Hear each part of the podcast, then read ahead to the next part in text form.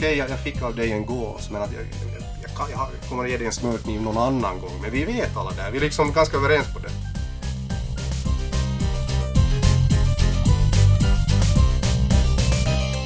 Det ena kommer väl att lösa det andra. En ekologisk krasch ruinerar väl vår kapitalistiska finanspolitik eller tvärtom. Usch vad deppigt.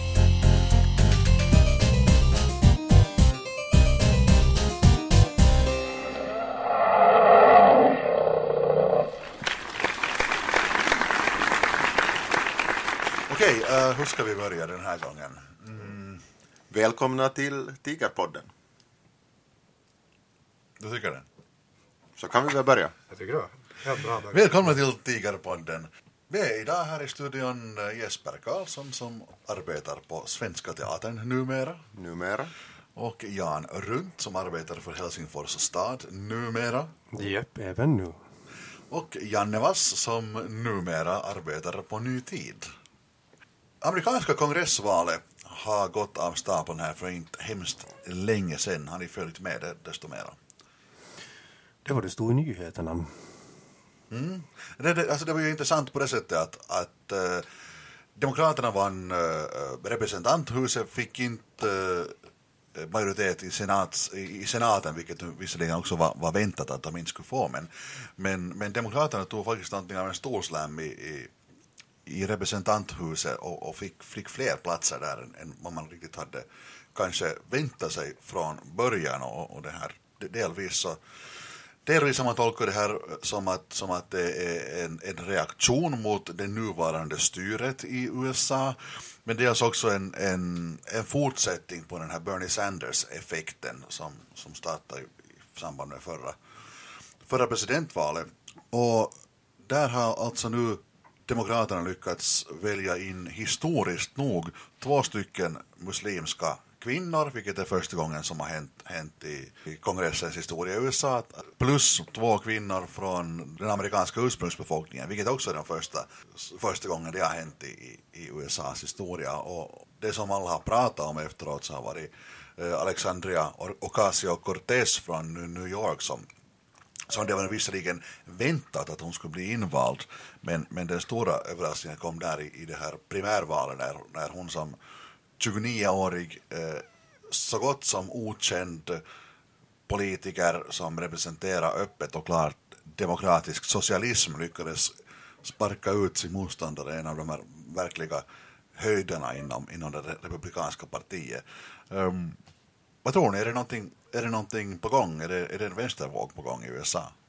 Hade man ju varit någonting av det här på väg ända sedan Occupy Wall Street. Att liksom att, att vanliga amerikaner fick en ändå på något vis så här känsla av att det är inte riktigt jäm, jäm, liksom, vad heter det, jämlikt, det är inte riktigt rättvist, alla har inte en amerikansk chans och så vidare. Att, att, liksom, att det blev faktiskt kanske på tapeten då att, att det finns någonting ruttet i det här systemet. I grunden.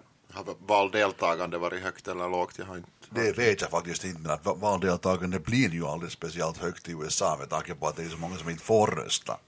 Ja, alltså jag menar, lite kan man ju tänka att samma sån här missnöje som, som ledde till så tråkiga följder i presidentvalet, att kanske liksom det här missnöjet nu då sen igen testar på någonting annat. Att det var inte så lyckat kanske att välja en, en miljardär som påstod sig vara på den arbetande människans sida, utan kanske det ändå skulle vara andra människor. Kanske det är det nu som, som folk börjar tänka. Eller?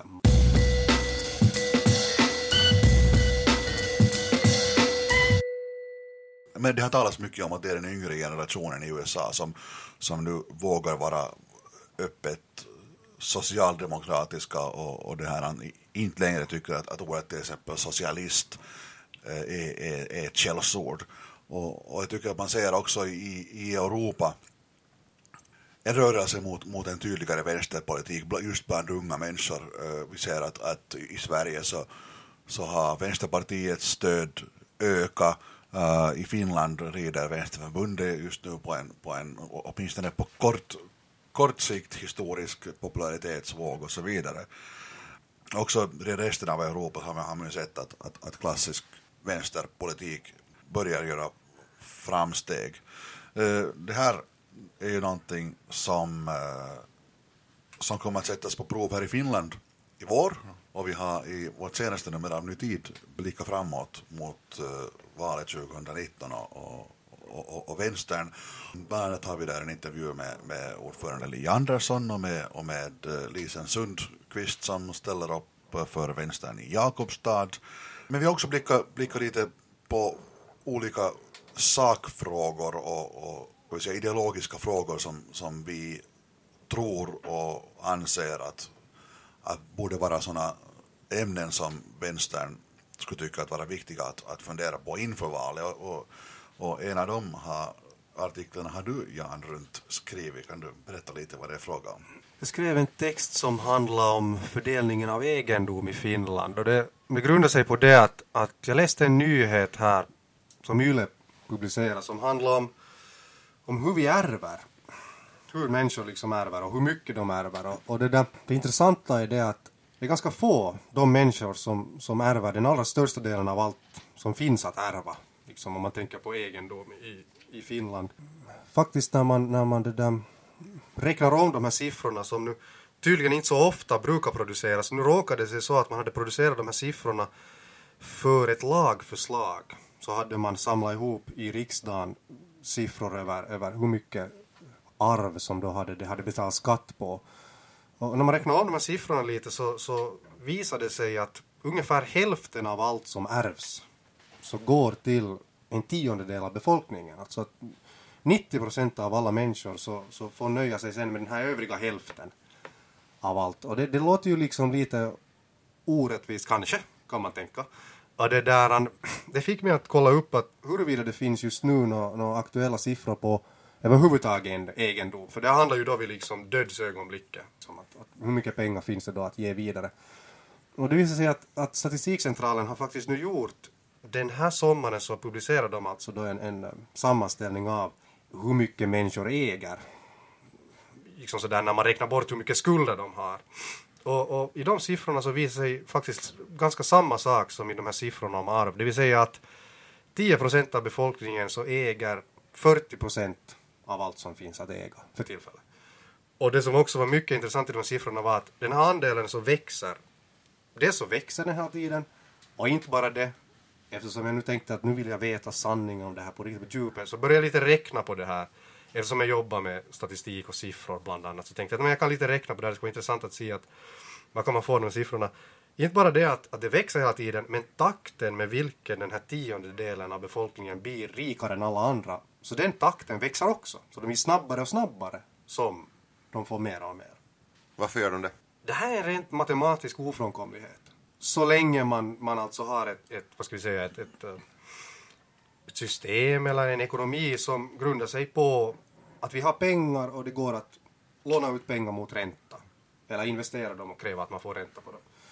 För det som det leder till är att de som har så mycket pengar att de har råd att börja investera, låna ut åt andra, kräva att de får mera pengar tillbaka. Så de människorna kommer ofrånkomligen att hela tiden se sina pengar växa och växa och växa. Och inte bara att det växer med en sån här, vad man nu tänker att nå det växer några procent per år. Det är nu förstås sådär att det blir lite mera. Men det som är intressant är att om man, om man det där um, tar en lite längre tidsperspektiv så en vanlig investering så fördubblar sig på tio år. Det vill säga att har du investerat i en ganska normal sån här aktieportfölj, ska vi säga att du har haft extra pengar, 50 000 euro. Efter tio år så kommer den här aktieportföljen plötsligt att vara värd 100 000 euro. Och under den här tiden har du inte behövt göra någonting överhuvudtaget. Du har bara alltså fast googlat upp ett fondbolag som sysslar med så här att sprida ut investeringarna väldigt jämnt på pålitliga liksom sådär aktier. Så du behöver inte göra någonting alls. Du kan bara sitta och vänta så kommer dina pengar att fördubbla sig. Efter 20 år så har inte pengarna fördubblat sig utan de har fyrdubblat sig. Efter 30 år är de åtta gånger så mycket. Mm. Och det är det här som sen händer. Att jag menar så fort du har pengar att lägga åt sidan så kommer de att börja fördubbla sig. Om du bara investerar dem. Och det är det som den, den här rikaste tiondelen gör. Nästan alla aktier i landet ägs av den rikaste tiondelen av befolkningen. Och det här kallas för kapitalism med ett annat ord. Mm. Men det här, det här är ju liksom en, en, en oerhört dystopisk framtidsbild. Skulle jag få de här siffrorna framför mig, framför mig utan liksom, eh, en uträkning att, att stödja dem på skulle säga att det här kan ju inte stämma. Det finns ingenting liksom skumt i den här matematiken överhuvudtaget. Det är bara så det här är. Och jag menar, vem som helst som skulle jobba med investeringar och, och, och, fonder och så vidare så skulle kunna ge mig helt rätt för att det skulle vara en bra reklam för deras verksamhet. Att jag menar, råkar lyssnaren till det här ha några tusen euro liggandes vid sidan om så vill du bli kapitalist, kapitalist, kapitalist så, så det, liksom, det löns rent sådär i pengar, pengar mätt. De kommer att fördubbla sig med tio års mellanrum, eller det vill säga fördubbla sig de första tio åren, fyrdubbla sig de nästa tio åren, åttadubbla sig de nästa tio åren. Det handlar bara om det att det är bara möjligt ifall du inte måste betala alla pengar du har för att bo, bekosta barnens kläder och mat, det att du ska kanske liksom, jag vet inte, röra på dig på något vis, förhoppningsvis kanske inte med bil, men du måste ändå ha busskort åt alla i familjen och så vidare. Men alltså, så länge du bara kan ha pengar som du inte rör vid alls, och du låter dem fördubbla sig, och det här gäller bara för en, en faktiskt ganska liten del av befolkningen att de har det.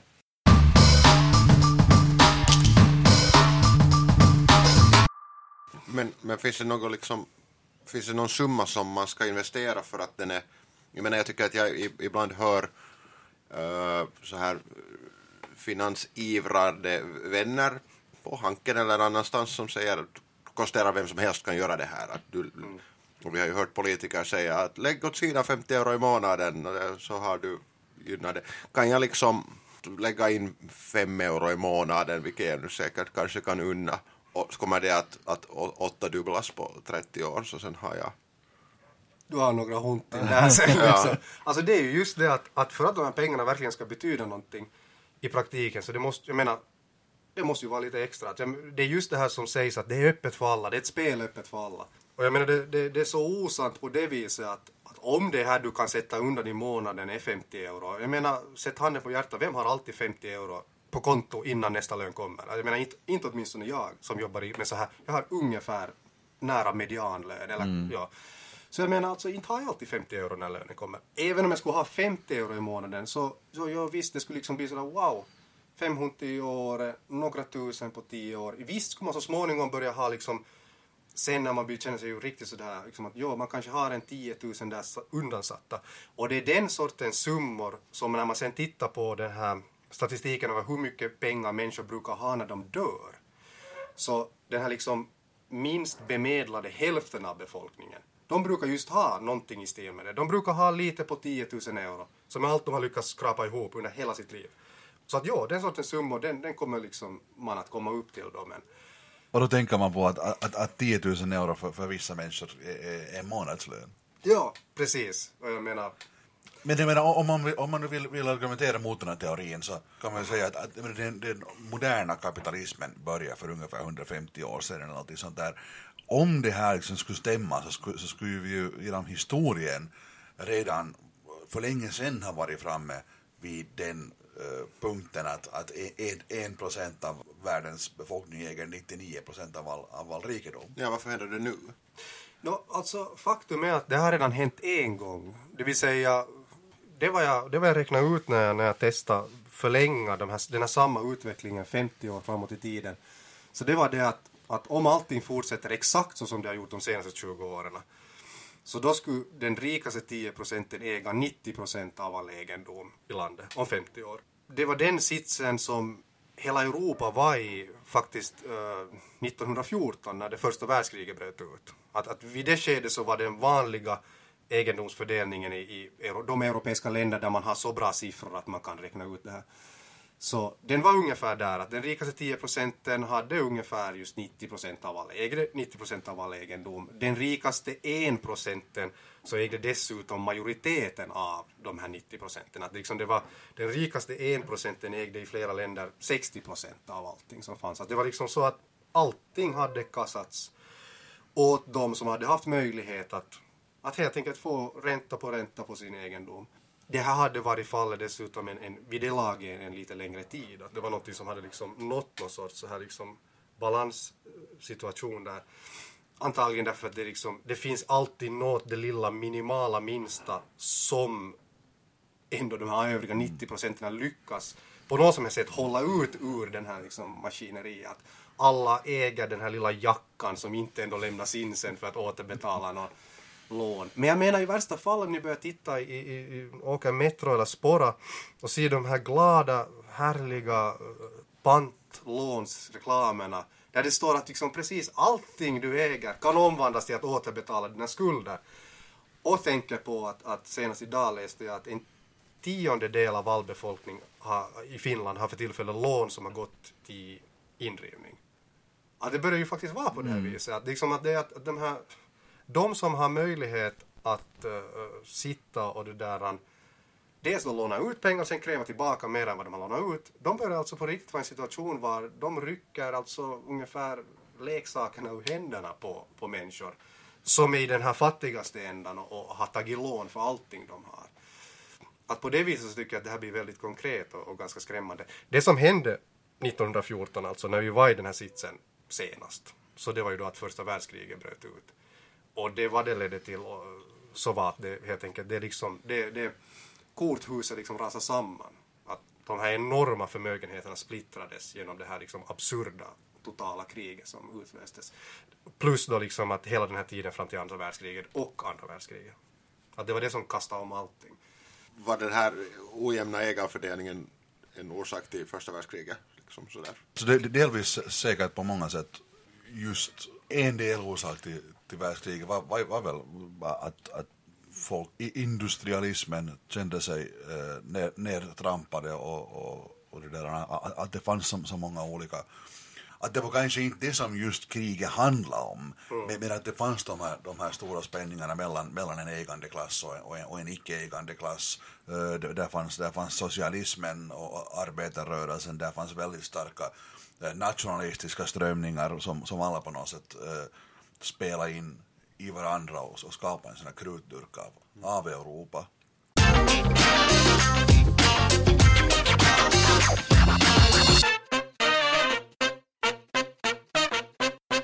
Är inte liksom ränta ju hör till här gammal synd förr i tiden. Man fick inte ta ränta. Jag har för mig att, att en av Shakespeare har den där Köpmannen från köpmannen Venedig. från Venedig, ja. Mm. Den, den syndiga bankiren som, som ska kräva ränta. Det är liksom en mycket så här... Shylock. Shylock. Det här var, jag antar att Shakespeares tid började vara en sån här brytningstid var man helt klart började göra det. Mm. Och det här med att låna pengar var liksom, blev vanligare. Men nu är, nu är det ju helt accepterat. Vi är alla helt överens om att man betalar ränta på saker. Det här är inte liksom helt en modern uppfinning. Det, har funnits det har funnits tidigare, vad ska vi säga, inkarnationer av en liknande ekonomi. Det vill säga alla sådana avancerade samhällen som har använt i väldigt hög grad pengar och vad ska vi säga, liksom vara en grund för utbyte av varor och så vidare. Så i alla de ekonomierna så har man också kommit in i en sån här liksom, cirkel av enorma liksom, så här förmögenhetskoncentrationer.